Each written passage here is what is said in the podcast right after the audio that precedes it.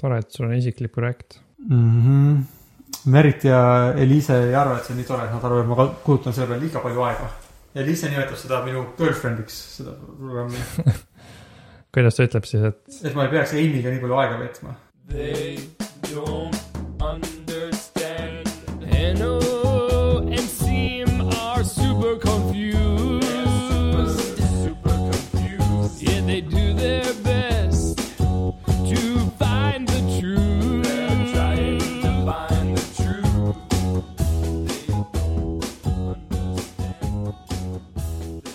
mis meil siis äh, nüüd teemade osas? pidime Martini kirja vaatama. Martini kirja vaatama jah, et ta ikka veel kirjutaks. millest ta kirjutas? artikli pealkiri on, et äh, rohkem tõendusmaterjali selle kohta, et orgaaniline toidu kasvatamine on halb. aga point on põhiliselt selles, et äh, orgaaniliselt kasvatatud toitu jaoks kulub rohkem maapinda, on peamine point. pildi pealt on joonistatud kaks korda rohkem, on joonistatud sihuke pilt, kus ühel tavalisel toidu kasvatamisel on pool pilti äh, äh, mingi rukkis või nisu ja teine pool on mets aga orgaanilisel toidu kasvatamisel on mõlemad pooled on äh, nisu. et on kaks korda rohkem maad sellel ja mõlemad toodavad ühe tonni toitu. aga ma arvan, tegelikult see ei ole täpselt niimoodi fifty-fifty, aga jah, et, et kui sa orgaaniliselt kasvatad, siis äh, sul kulub rohkem maad ja see maa võiks olla näiteks mets või ta võiks olla jumal teab mis asi ja vist praegu me inimkonnana, me peaaegu kõik sihuke nagu äh, kasulik või efektiivne põllumajandusmaa on juba kasutusel et meil ei ole kuskilt võtta nagu rohkem maad, et eriti efektiivselt midagi kasvatada. kõik see, kus praegu vilja ei kasva, on niisugune maa, mis, kus nagu vili väga hästi ei tahagi kasvada.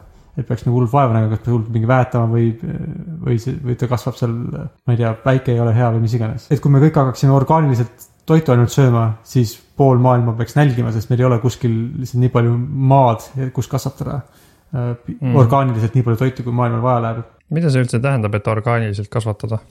kas see tähendab nagu rohkem traditsiooniliselt või? mõnes mõttes.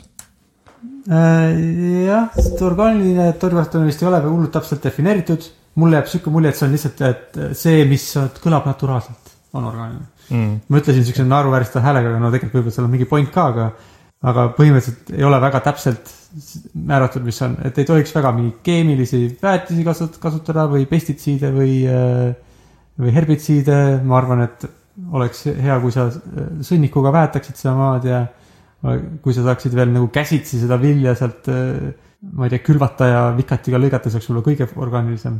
et siukene noh, jah nagu traditsiooniline või sihuke, mis tundub äh, mahe mingisugused naturaalsed pestitsiidid on lubatud, mingi pürethriin ja rotenoon, mida ma ei tea, aga siis mingid sünteetilised ei ole lubatud ja mingisugused konkreetsed reeglid lihtsalt tundub olevat.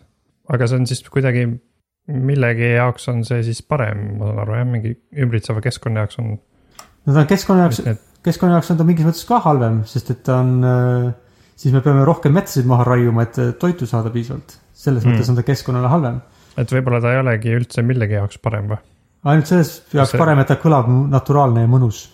Et kas see artikkel siis, mida Martin meile andis, üritab öelda, et, et seal pole mõtet aru. ühesõnaga, et põhimõtteliselt on täiesti mõttetu jah, selles mõttes, et ta kõlab nagu tore, aga kui sa hakkad sellest lähemalt mõtlema, siis ta ei ole kasulik. ei, see toit ei ole tervislikum, ta ei ole keskkonnale parem, ta ei ole nagu millegi poolest parem, välja arvatud, et äh, nagu, et kõlab traditsiooniline ja ilus. et selles mõttes ta kõlab ilus, aga kui lähemalt uurida, siis ta ei ole millegi jaoks parem. üks suur asi, miks ta on keskkonnale veel halb, miks ta vähem efektiivne on see, et, et äh, orgaanilise toidu kasvatamise jaoks äh, või no vilja kasvatamise jaoks peaks kasutama väetiseks sõnnikut. et saada sõnnikut, on vaja pidada loomasid ja loomade pidamine, nagu me vist ka meie selles toidu episoodis rääkisime, on eriti kulut-, kulukas keskkonnale, et see nende peale kulub eriti palju vett ja eriti palju toodavad nad äh, neid kasvuhoonegaase ja aga ma kunagi vaat-, ma vaatasin kunagi mingi hunnik igasuguseid toiduga seotud dokumentaale ja seal mul jäi meelde kuskilt, et orgaaniline põllumajandus on hea sellepärast, et, et see on nagu sihuke su-, sustainable suletud ring. et peadki oma loomi, saad sõnnikut, paned taimede peale, loomad söövad taimi, teevad sõnnikut, paned taimede peale, et aga see on, et see kõlab hästi, aga see siis ei ole ka tegelikult nagu ei, ei säästlik ega ka parem loodusele kui, ühesõnaga sealt filmist jäi sihuke mulje, et sihuke ma-, massiline kaasaegne äh, põllumajandus on et seal jääb nagu mingi, mingid jäätmed jäävad nagu üle. ühesõnaga jääb nagu mingi prügi üle, mis siis reostab loodust, aga seal väideti, et orgaanilises põllumajanduses ei jää, sest et seal nagu läheb kõik ta uuesti kasutusse. kas see on siis nii, aga, aga lihtsalt nii palju rohkem ikkagi maad läheb või mm. või mi- mis sa sellest arvad? no seda ma usun küll, et kui noh, selles mõttes üks asi on see, et nagu põllumajandusmeetod võib-olla, kuidas seda teed ja teine asi on, kuidas seda rakendatakse. See kõlab, kõlab täiesti usutavalt, et kui kuskil kasvatatakse mingeid loomasid, ma ei tea, keegi kasvatab mingeid lehmasid, nende liha pärast, siis ta viskab, ma ei tea, mis ta nende luudega teeb, et kas ta teeb nendest kondiliimi või ma ei tea, mida nendest teha saab. võib-olla läheb kõik lihtsalt raisku, sellepärast et lihtsalt neil ei ole otstarbekas ja tulus sellega midagi teha, samas kui on sihuke orgaaniline farmer, kellel on nagu teatud põhimõtted, siis ta lihtsalt põhimõtteliselt leiab midagi, mida ta saab sellega teha ja ei raiska mitte midagi. aga ma ei tea, kas see on nagu põllumajandusmeetodi küsimus või see on siukse kapitalistliku, sest ma, ma ei, olen suht kindel, et on ka org- inimesi, kes on, tahavad orgaanilised, orgaanilised taimekasvatajad olla aga kes ei hooli absoluutselt sellest, et mingit midagi raisku ei läheks, nad müüvad selle oma kõige kallima osa ära ja kõik muu viskavad, ma ei tea, kuhugi kraavi, ma olen kindel, et leidub ka selliseid orgaanilisi toidukasvatajaid. tõenäoliselt küll, sest et ega see orgaaniline toidu kasvatamine ju, see on ka nagu noh, mingi äri, et see, nojah, kui sa teed orgaanilise toidu, siis sa saad selle ju kallimalt müüa või, või siis mõnes kohas sa ei saagi vist mitte orgaaniliselt kasvatatud toitu müüa, et jah, ma usun ka, et see on et see ilmselt ei ole nii seotud omavahel, et kui sa oled orgaaniline talupidaja, siis see ei tähenda, et sa teed kõike nii loodussõbralikult, kui, kui sa saaksid. ja ja ilmselgelt, kui sa kasvatad nagu miljon lehma, siis teoreetiliselt sa saad ju, sa ei pea neid kuhugi ära viskama, see ei ole, neil on needsamad loomad ja needsamad viljad, mis kasvavad. ei ole mingit põhjust, miks seal peab jääma rohkem jääkprodukte, aga on võimalik, et tõesti siuksel suurel ska-, suurel skaalal põllumajanduses neid praktiliselt jääb rohkem, sest et inimestel puudub motivatsioon neid mitte jätta mm.. mm. -hmm. mis, mis värk selle vertikaalse farmindusega on, no see on huvitav jah. kas sellega saab kõik, kõike paremini teha, huvitav või? või kui suureks sellega saab minna, kas saab teha mingid jõhkrad hooned, kus on, teoreetiliselt vist peaks saama ju, et maad kasutada ikkagi vähem, sest sa saad ehitada ülespoole natukene. aga ma ei tea, kui lihtne see ikkagi on nagu, kui, kui me räägime mingitest miljonitest hektaritest, et kas seda kõike on võimalik teha nagu ka vertikaalselt. ma ei ole üldse kursis, kuidas seda tavaliselt tehakse, kas see on ka nagu, kas see on nagu täiesti tööstuslik selles mõttes, et ma ei tea, lastakse mingite LED-lampidega neile valgust päikese asemel või see on ikkagi ka, et lihtsalt võetakse vertikaalselt, aga kuidagi ma ei tea, pannakse ikka nagu mulla sisse kasvama ja päike, päike paistab peale neile või kas sa tead, kuidas? seda ma küll arvan, et päikest seal küll ei paista, et minu arust on jah nagu lambid. Aga ma ei tea, kui palju seal on mingit mulda versus mingid graanulid või et kuidas see täpselt töötab ja ma ei tea, kui massiivne see üks farm saab näiteks olla, et kunagi Wise'is ma nägin, et on, ma ei tea, noh kuskil Brooklynis on mingi üks maja, kus keegi teeb mingit vertikaalset farmindust, aga seal, see on tõenäoliselt väga väike kogus võrreldes mingite suurte tegijatega. ma ei tea, kui, kui suureks see saab minna. kui ma Google'ist otsin vertical farming, siis on väga palju väga siukseid pilte, mis meenutavad mulle serveriruume, sest nad on niisugused tohutult pikad koridorid, mis on asju täis. Aga nad näevad kõik väga CGI välja, nii et ma ei tea nagu, kui palju on siukeid tohutu suuri vertikaalse toidu kasvatamise äh, nagu süsteeme, mis reaalselt töötavad. jah, need kõige pikemad koridorid siin näevad tõesti väga CGI välja, ikkagi need, mis on päris fotod, need, praegu ei tundu veel, et oleks. niisugused poeriigulid näevad rohkem välja, eks ju. või võib-olla natuke jah, suure või, siis nagu suur poe., suur kasvuhoone on ju nagu, okei okay., no ma ei tea selle kohta nii väga, tundub jah, et mingid visioonid on siuksed, siin mingid pilvelõhkujad. Kus siis vist saavad inimesed elada koos taimedega, mida nad söövad ja, ja nii edasi. et see oleks vist jah tore, kui sa elad majas, kust sa saad oma toidu. mul tuleb meelde mingi, ma ei mäleta, mis tehnoloogia tootja see oli, kas Fut-, Fujitsu äkki, kuskilt lugesin, et Fujitsu ja praegu ma loen ka, Tosh-, Toshiba kasvatavad oma nendes protsessoritehaste ruumides mm. -hmm. lehtsalatit. sest et need on nii nagu eh, puhtad ja steriilsed ruumid, et seal on hästi hea kasvatada salatit. ma ei tea täpselt, kui tõsiselt nad seda teevad praegu, aga mingi sihuke vähemalt idee neil vist on, et kuna neil on head ruumid, kus kasvatada salatit ja noh, kus nad on teinud, teevad puhast tööd eh, protsessorite kallal, siis sealsamas, samades ruumides saab ka kasvatada salatit väga hästi. Hmm. mulle tundub, kui sul on puhtad ruumid, kas sa siis tahad sinna mingeid asju kasvama tuua? no võib-olla siis sa täpselt samas ruumis ei tee protsessorite salatitega. võib-olla nad- nemad siis ei pane mulla sisse, et äkki siis jääb puhtaks asi, kui sa paned kasvama mingite graanulite sisse oma juured. muidugi võiks arvata, et sihuke igasugune vertikaalne farming teema, see töötaks paremini väga kalliste taimedega või mis on mingid siuksed. või muidugi nendel jällegi siis sul on suht rohkem suva võib-olla, kui palju maad sa kasutad.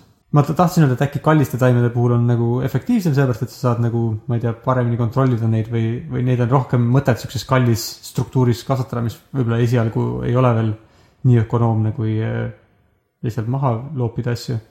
noh, kunagi, kui ma, kui ma igatahes seda Wise'i osa vaatasin, kus nad rääkisid, kuidas see on kasulik, siis mulle jäi meelde sealt see, et kui panna numbrid kokku ja võrrelda, siis see on väga palju, palju säästlikum.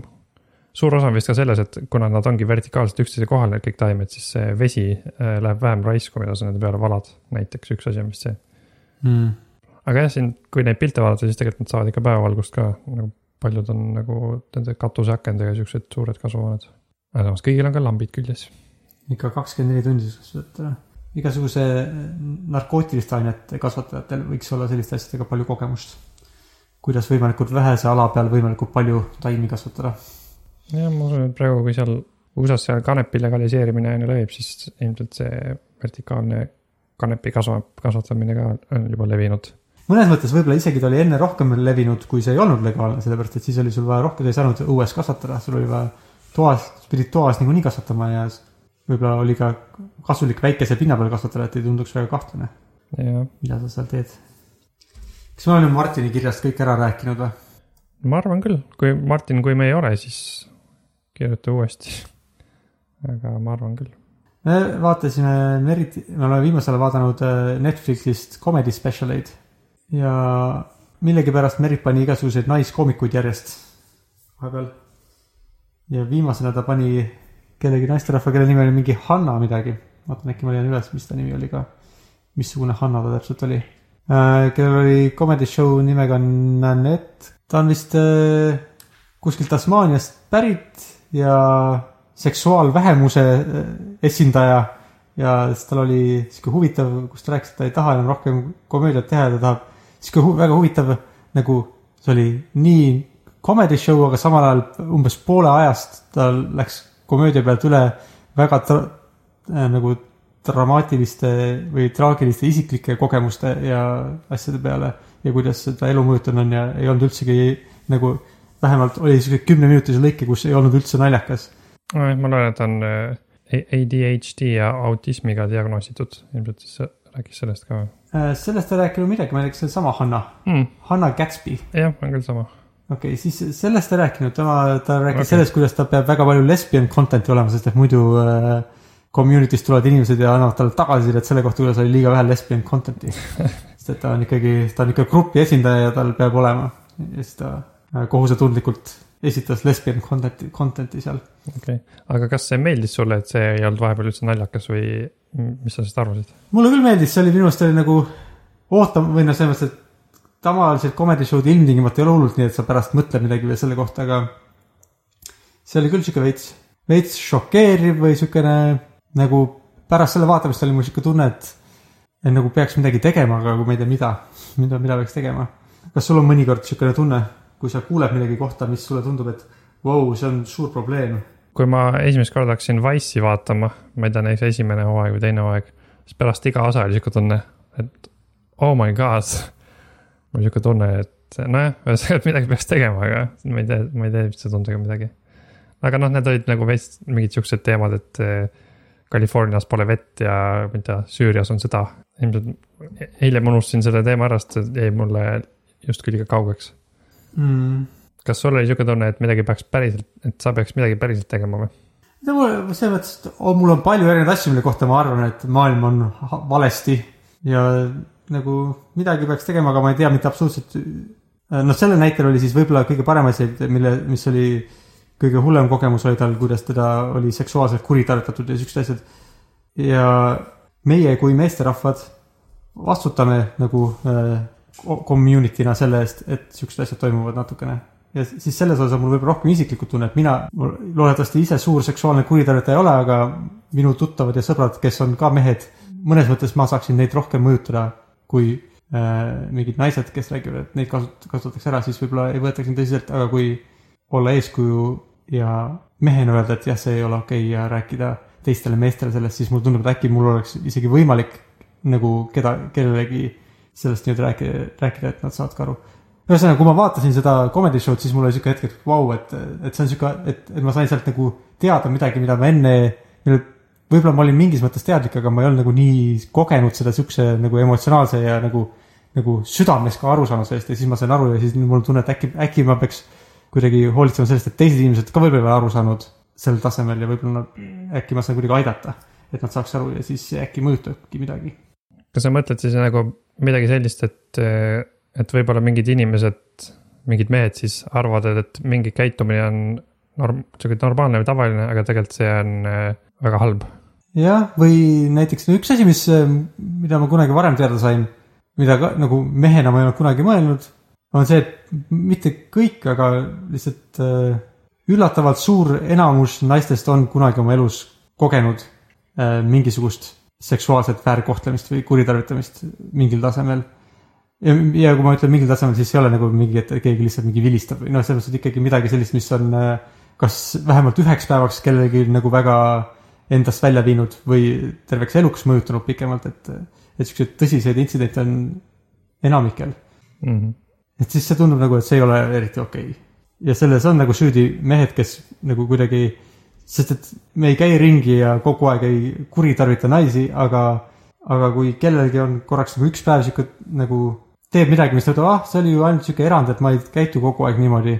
et, et see on okei okay,, aga siis naistel on lihtsalt kogu aeg on mõni mees, kellel on parasjagu see erand ja siis on nende kogemus sellest hoopis teistsugune kui meeste kogemus, kes võib-olla ütleme, keskmine mees elab terve elu nii, et ta üks kord oma elus teeb midagi, mis on siukest küsit-, küsitav. aga siis see, ma ei tea, tegelikult see, siis, siis ei tule statistikat välja, aga ütleme, et on mõned mehed, kes teevad palju kordi, siis äh, selle tulemusena on see, et enamik naisi kogeneb, kogeneb mitu korda siukseid asju, sest et on mõned mehed, kes äh, pidevalt niimoodi käituvad. ja isegi need mehed, kes ainult harva niimoodi käituvad või ainult mõned korrad, nad oma sellega võivad ikkagi nagu äh, mitme naise elule siukse negatiivse perioodi tekitada ma kuulasin ka hiljuti mingit, ma ei tea, kas kuidagi Radiolabi kaudu vist, et mingi üks naine teeb mingit seksuaalsuse teemalist podcast'i ja siis tal oli ka mingi oma pikaajalise meessõbraga, kes oli just sõber, oli mingi halb kogemus ja siis see oli talle nagu jäänud aastateks meelde ja siis ta tegi lõpuks saate selle sama tüübiga ja siis see, kui ta üritas sellele tüübile seletada, kui, kui palju seda mõjutas, siis see tüüp ikkagi üritas nagu kuidagi seda ära pühkida. nagu, et noh, tegelikult see ei olnud ju nii hull, et ja siis seal samas saates vist oli mingi intervjuu tehtud mingite teiste siukeste keskkooliealiste noorte kuttidega. üks poiss rääkis, et see on, see ongi ju sihuke tavaline tehnika, et sa lähed peole ja siis saad mingi tüdruku nagu purju ja siis saad temaga minna voodisse. et see on, siis ma mõtlesin küll, et see kõlab veits sellise asjana nagu, et võib-olla päris paljud äh, inimesed arvavad, et nii on, see ongi see, kuidas see asi käib, eriti ma arvan, ma ei tea, isegi filmides tihti see käib niimoodi, mingites komöödiates mm -hmm. nagu. jah, et aga samas, kui selle peale mõelda, siis see tundub päris äh, halb. et siis mul oli ka sihuke tunne, et okei okay,, et, et ma lo- loodan, et see muutub, mitte et ma hakkan midagi tegema, aga ma mõtlesin, et ma loodan, et see muutub siin viimase aja liikumistega ja asjadega. mm. lihtsalt see tundub täpselt sihuke asi, mis on, et ei ole või võib-olla palju vaja, et see ei tunduks enam inimestele okei okay.. kui oleks, no ma ei tea, ütleme iga kümnes äh, mees räägiks kord aastas sellest, kuidas ei ole okei okay, mingis erinevas oma tuttavate sõpradega tuleks see jutuks kuidagi lihtsalt, et oo oh,, et tead, ma ikka mõtlesin, et see ei ole ikka üldse okei okay.. siis sellest nagu piisaks, et kõik kuuleksid seda aeg-ajalt, et, et paljud inimesed arvavad, et see ei ole okei okay. ja siis ei saaks nagu kellelgi olla sellist nagu arvamust, et see on okei okay., kõik tea, siis oleks kõigil selge, et see ei ole okei okay. ja need inimesed, kes niimoodi käituksid, teaksid, et nad äh, nagu teevad midagi, mis ei ole okei okay. versus mis praegu nagu ütlen, ah, see ongi normaalne ja tavaline. et selles mõttes see tundub just sihuke asi, kus äkki, äkki lihtsalt äh, väike jutuajamine aeg-ajalt võib midagi aidata. mm. -hmm. nojah, lihtsalt, et inimesed, kes võib-olla ei ole nagu tegelikult halvad inimesed kes pole kunagi mõelnud mingile asjale, et võib-olla mingi asi ei ole okei okay,, et siis nad mõtleks sellele ja siis võib-olla see muudakski juba väga palju. jah, sest et minu meelest see, see on väga, see selleks sa pead, sa, sa pead natukene nagu st- statistiliselt mõtlema ja sa pead teise inimese perspektiivist mõtlema ja siukest äh, kuidagi, siukest e- emotsionaalselt mõtlema, kuidas see kuidagi mõjutab. See on siukene, see ei ole nagu lihtne asi, millest aru saada, et see on nagu ja siukene seksuaalkäitumine või äh, ütleme, date imine on üldse siuke asi, kus, kus ei ole tegelikult normaalne täpselt ausalt rääkida, mida keegi kunagi tunneb ja siis on selle tõttu veel eriti raske aru saada. et ega, kui ma arvan, seal see kutt, kes selles, kust iganes selle Radiolabi podcast'i intervjuus võib-olla need tüdrukud ei öelnud ka kunagi, et nad arv-, arvavad, et see ei ole okei okay,, sest et neil oli ka nagu häbi seda öelda või nad ei tahtnud kuidagi äh, nagu ka mingit probleemi teha või nagu mingi, nagu mingisugust äh, nagu skandaali veel lisaks sellele, mis neile ei meeldi niikuinii. et siis on nagu nii palju faktoreid, et äh, inim-, et on võib-olla, et võib-olla sellest ongi raske aru saada tõesti. iseseisvalt, ilma et keegi sellest räägiks, et et, et peale mõningast järelemõtlemist selline käitumine ei ole normaalne. jah, jah. See on, ma ei tea, kas sellest, see teema saab ka kuidagi läbi nagu, no tõenäoliselt seda teemat saaks ka kuidagi läbi siukse popkultuuri natuke juurutada nagu, nagu teemasid, et, et geid ja lesbid on okei okay ja, ja et eh, see on okei okay,, kui ma ei tea, tüdrukud sõidavad rulaga ja noh, mingid siuksed asjad. mm,. jah, me just eh, vaatasime täna see siukest teenage äh, mingit filmi, no ta oli nagu romant-, ta ei olnud nagu romantiline komöödia, siuke tavaline, ta oli lihtsalt siuke film mingist kutist, kes äh, oli gei ja ta oli, noh, käis koolis. siuke normaalne film äh,. mulle meeldib see, et see on juba suht siuke tavaline, et ma arvan, mingi kümme aastat tagasi see oli nagu võib-olla veider, aga praegu see on täiesti tavaline, et siuke teema on filmis ja samuti siis paar päeva tagasi vaatasime filmi, kus oli see oli mingitest äh, tüdrukutest, kes äh, sõitsid rulaga, no et sihuke, et sihuke film poistest, kes, kes rulaga sõidavad ja on kuskil New Yorgis.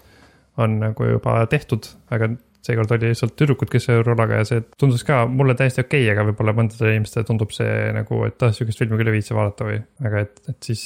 ühesõnaga jah, me vaatasime kahte filmi järjest, mis olid natuke sellised standardeid lõhkuvad. aga kas kumbki neist tundus sulle rohkem nagu äh, äh, standardeid lõhkuv täna, sest et sa, mis sa e- esimese kohta ütlesid ka, et see tundus juba normaalne, et kas sa mõtled sellega seda, et ta nagu, et ta isegi ei olnud enam, et, et peaaegu ei olnud mainimist väärt või, või ta on ikkagi piisavalt standardeid lõhkuv, et see on sihuke, et hmm, ma märkan, et see on standardeid lõhkuv film. see siin läheb normaalsusega, ma olen seda juba näinud ja see on, ma saan aru, et see on okei okay,, aga ma ikkagi märkan, sest et see on piisavalt eriline ma arvan, et ma ikkagi selles mõttes märkan, et kui ma vaatasin seda filmi siis see äh, tuli välja, et aa, okei okay,, peategelane on gei. siis noh, mu peas ikkagi vist käis, et aa, okei okay,, see on sihuke film, kus, mis räägib geidest. Või noh, sellest, et äh, on olemas ka geid, aga samas ma arvan, et see oli lihtsalt see hetk, kus ma, mu aju sai lihtsalt aru, okei okay,, ma hakkan sihuke, et see film on edaspidi nagu sellest tüübist ja kuidas tal on raske nagu välja tulla, et ta välja et on gei. Ja siis see rula, aga see rulafilm tüdrukutega, sellest ma sai- alles poole peal mõtlesin, et aa, et see vist on, et tavaliselt vist ei ole nagu rulafilmis tüdrukud.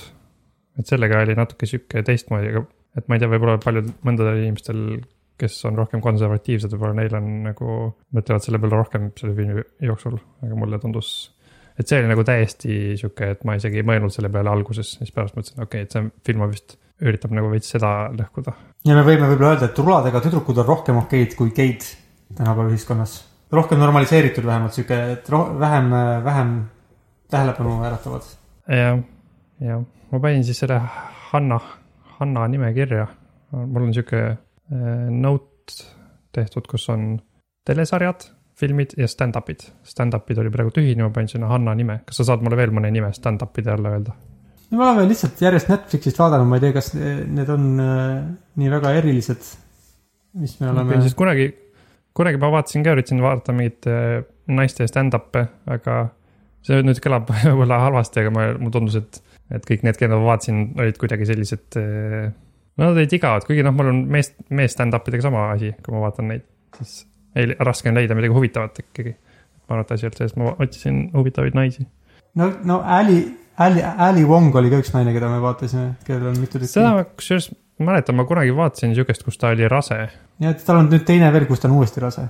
aa, okei okay., ma vaat-, vaat-, vaatan seda ka siis. no aga nad mõlemad on üsnagi sellest sarnased, ta räägib sellest, kuidas mõnikord mul on sihuke tunne, et, et need, kui ma vaatasin Ali Wongi esimene kord, siis mulle tundus, et äh, ilmselt ta ei teinud seda meelega, aga mulle tundus, et ta ka üritab kuidagi hästi olla sihuke äh,, rääkida palju seksist ja rop-, ropult ja siis mulle tundus, et, et see on sihuke stiil, mida teevad ka paljud mehed, mis mul, mis mind ei huvita kuidagi sihuke hästi intensiivne sihuke, ma ei tea, palju mingeid seksipoose matkiv esitlus. peale, kui me vaatasime, ta kindlasti tegi seda, aga mulle vähemalt peale need paari, me vaatasime need mitu special'it, ma ei tea, kas neid oli kaks või kolm tal, võib-olla vist vaatasime kaks. Igatahes see ei olnud minu jaoks nagu hullult palju, ta kindlasti tegi mõlemas osas midagi, mingit seksipoosi või midagi sellist ja, ja või ütles midagi roppu. aga, vulgaarne on vist see sõna, mida ma oleks võinud kasutada, et see tundus nagu kuidagi liiga vulgaarne. aga keskeltläbi minu arust ei ole, ma arvan, seal on vulgaarseid kohti, aga ta ei ole nagu puhtalt vulgaarsuse rõhuv, vähemalt üks nendest osadest on kindlasti või, või ma ei tea, kas ta esimeses osas oli juba abielus, aga ühes osas ta räägib väga palju ka sellest, kuidas ta, kuidas tema ja tema mees, kuidas, kes keda trappis ja see, see on siuke, see oli nagu võib-olla rohkem äh,, ma ei tea, abielu inimesena naljakam, kuidas nad seal, oo, ma pean talle niimoodi tegema, et ta, et ma saaks temaga abielluda ja elu lõpuni tasuta elada, sest et ta, he has a degree in Harvard Business School. okei okay., sihuke jutt mulle meeldib, ma mäletan ka, ma ei tea, kas sa John Mulaney't oled vaadanud, ta rääkis, on ka rääkinud oma abielust toredasti ja ta, ma ei tea, kas sellepärast, et ta on kristlane, aga ta räägib hästi niimoodi, ta hästi viisakalt räägib oma nalju. John Mulaney't vist Merit läks Netflixi seeria tema peale, aga me ei vaadanud veel. aga võib-olla ma olen kunagi varem vaadanud mõnda varemat osa, mul ei tule ette, mil, mil, milline ta on. ta nägu, nägu on tuttav, aga ma ei mäleta, millest ta rääkida võis. teda ma soovitan küll, ta on tore. ma ei tea, Dmitri Martinil on ka uus, uus väljas. Dmitri Martin mulle ka alati meeldib jah, ta on sihuke, ta ei ole nii hullult nagu, ta ei ole sihuke minu arust nagu sa ei naera hullult kõvasti tavaliselt, aga ta on kogu aeg sihuke nagu irvitad mm. -hmm. kogu selle ajal. vähemalt mul on sihuke kogemus temaga, ta on nii sihuke nagu chill'ilt naljakas, et on meeldiv tunne terve, terve selle kogu asja jooksul. mulle tema puhul meeldib see ka, et ta nagu ei ürita tihti nagu mingit sihukest pikka lugu rääkida, mis hästi sujuvalt kokku läheb, vaid ta lihtsalt räägib ühe nalja ära ja siis räägib mingi teise väikse nalja ja räägib kolmanda nalja. et ta nagu teeb siukseid väikseid nalju. tal nüüd see viimane stand-up on see, mida ma, me oleme Liisaga käinud laivis vaatamas, ta on ainus koomik vist, keda ma olen käinud nagu välismaine kuulus koomik, keda ma olen käinud laivis vaatamas. mm.. Ja ta tuleb kusjuures Londonisse märtsis vist, et, nii et ma ei ole kindel, kas Merit Ossipilet, et ta vist rääkis sellest. Londonis me oleme päris, me oleme ikkagi käinud mõningaid kuulsaid koomikuid laivis vaatamas. mäletad, kas me vaatasime Chris Rocki käisime viimati vaatamas ja minu meelest äh, äh, need Impractical Jokersid oleme vaatamas käinud. ma ei tea, kas nad on kuulsad koomikud või? Nad vist ikka on kuulsad koomikud. Nad vist ikka on kuulsad jah, ma arvan. ja vist Bill Maherit käisime vaatamas ja uh,. Louis CK-d enne, kui ta veel ei olnud kuulus selle poolest, et ta ka naisi ahistab.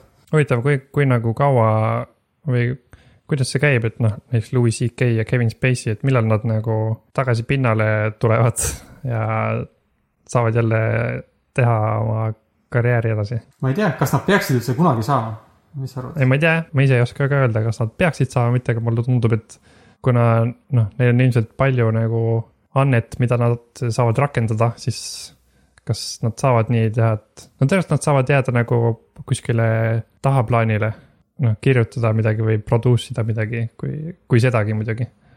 aga noh, mulle tundub, et midagi nad ju peavad tegema ja kindlasti nad tahavad midagi teha, et kas nad saavad ja millal. kas kahekümne aasta pärast juba saavad? üks äh, halb näide sellest on, me mäletame, miks meil see jutuks tuli, me arutasime, kuidas Chris Brown äh, Rihannale füüsiliselt, füüsilisi vigastusi tekitas ja kuidas see tema karjääri üldse ei mõjutanud praktiliselt, välja arvatud mingiks nädalaks ajaks, kui ta lugusid raadios ei lastud. ma mäletan ka, sellest on, ma vist olen lugenud Twitteris mingeid siukseid naljatviite, ma ei tea, kas ta tegi uuesti midagi vist või? ja see oli ka mingi nali selle kohta, et, võib-olla jah. et ta jälle, tegelikult vist keegi kirjutas, et miks ta ikka veel nagu, miks ta ikka veel teeb neid asju, kui ta kogu aeg teeb halbu asju. aga Bill Cosby vist läheb vangi jah, jah, tal on vist natuke kehvem seis. Kes veel oli, kas Neil deGrasse Tysoni kohta oli ka midagi? oligi nii või, seda ma küll ei tea. kontrollime järgi, enne kui me selle ametlikult äh, podcast'i üles paneme. ma ei ole hullult kuulnud, aga seda võib-olla ei ole nii kuulus ka, aga kuskil oli juttu, keegi Twitteris ütles. ja vähemalt Salonis on artikkel selle kohta, kuidas climate hero Neil deGrasse Tyson may be a me too villain. What now? Mm. aga ma ei ole okay. seda kohta lugenud, sest et ma ainult nägin, kuidas keegi Twitteris ütles, et, et, et alati, kui on kellegi nagu sõber, nagu kui sa oled kellegi fänn, siis inimesed hakkavad teda hullult kaitsma ja siis ilmselt ta oli näinud, kuidas Twitteris paljud Neil deGrasse Tysonit kaitsevad, sest et paljud on ta fännid. Mm -hmm. kusjuures ma praegu loen, et see Bill Cosby sai kolm kuni kümme aastat vangis ja see sentencing juhtus meie sünnipäeval, kahekümne viiendal septembril sai ta teada, et ta läheb vangi kolmeks kuni kümneks aastaks. Mm, jah, tundub, et Neil deGrasse Tysonil on praegu allegations, aga ei ole siin, ma ei- vähemalt kui ma lihtsalt kiiresti otsin Google'ist, siis ma ei saa aru, et oleks veel. Aga no kui on allegations, siis ta, väga tihti vist ei juhtu, et keegi kedagi süüdistab ilma põhjuseta äh, sihukestes asjades, et see on nii sihukene, seda on mõned korrad vist ju- juhtunud, sihuke nagu paar üksikut juhust, kus keegi on sihukest avaliku elu tegelast süüdistanud milleski ja välja tulnud, et see on kõik fabritseeritud, aga see on suhteliselt haruldane. enamikel juhtudel on, kus suitsu seal tuld, nii et tõenäoliselt ikkagi Neil deGrasse Tyson on ka paha poiss olnud, halvasti käitunud. kunagi, kui Louis CK kohta tuli see asi välja, siis siis ma mõtlesin, et damn, ta tundus nagu nii, nii tore tüüp. siis ma mõtlesin ka, et kes, et kes nagu järgmisena, kas näiteks, ma ei tea, kas sa Ellen DeGeneres'i tead hästi, et ta tundub sihuke, et Hmm. no tema pole küll mitte kunagi mitte midagi halba teinud, et see oleks päris jahmatav, kui tuleks välja mingi sihuke asi näiteks. vaatasime Ellen DeGeneres'i comedy special'it ka. seal ta rääkis, kuidas ta ei saagi kunagi midagi halba teha, sest et ta, ta kurtis, et ta saa isegi signaali lasta, kui keegi talle mingi autoga ette sõidab või midagi, sest et muidu inimesed ütlevad, Ellen, sina lased signaali. kas sa julged? jah, see on karjäär läbi. nojah, tal on juba Be nice to each other hakkas ta vist tema seal saates ütlema ja siis pärast seda ta, tal on olnud võimatu midagi vähegi negatiivset teha avalikult. mm,. kuulasin hiljuti ühte podcast'i sellel Bill Clintoni teemal, siis ma sain teada, et aa, okei okay,, ta vist, et ta ei ole väga hea inimene, sain aru. ma ei tea, kas sa tead tema kohta midagi? Bill Clintoni kohta ma väga palju ei tea. tal oli ka, tal oli isegi mingi kohtusse kaebas üks naine teda ja oli nagu vägistamise kahtlus. ja siis mingi naine rääkis seal, kuidas ta teda kaks korda järjest vägistas ükskord ja siis veel mingi naine on rääkinud, kuidas ta tegi midagi halvasti talle ja siis, no seda tegi siis, kui ta ei olnud veel president. aga noh, siis oli see, noh, peamiselt see podcast keerles selle üle, et tal oli suhe selle Valge Maja praktikandiga mm, -hmm. kelle nimi oli Monika Lewinsky on ju. see oli väga huvitav, podcast'i nimi oli Slow Burn, teine hooaeg.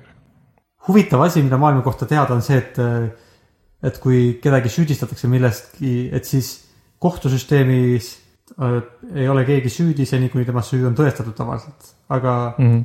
mõnes mõttes on nagu loomulik võtta endale ka sihuke seisukoht, et ka mitte ainult kohtus, vaid ka nagu avalikus elus näiteks, et kui keegi süüdistab Neil deGrasse Tysonit või Louis CK-d või Harvey Weinsteini või äh, ükskõik keda süüdistatakse milleski, et siis seni, kuni ei ole tõestatud, seni me peaksime pidama neid veel süütuteks.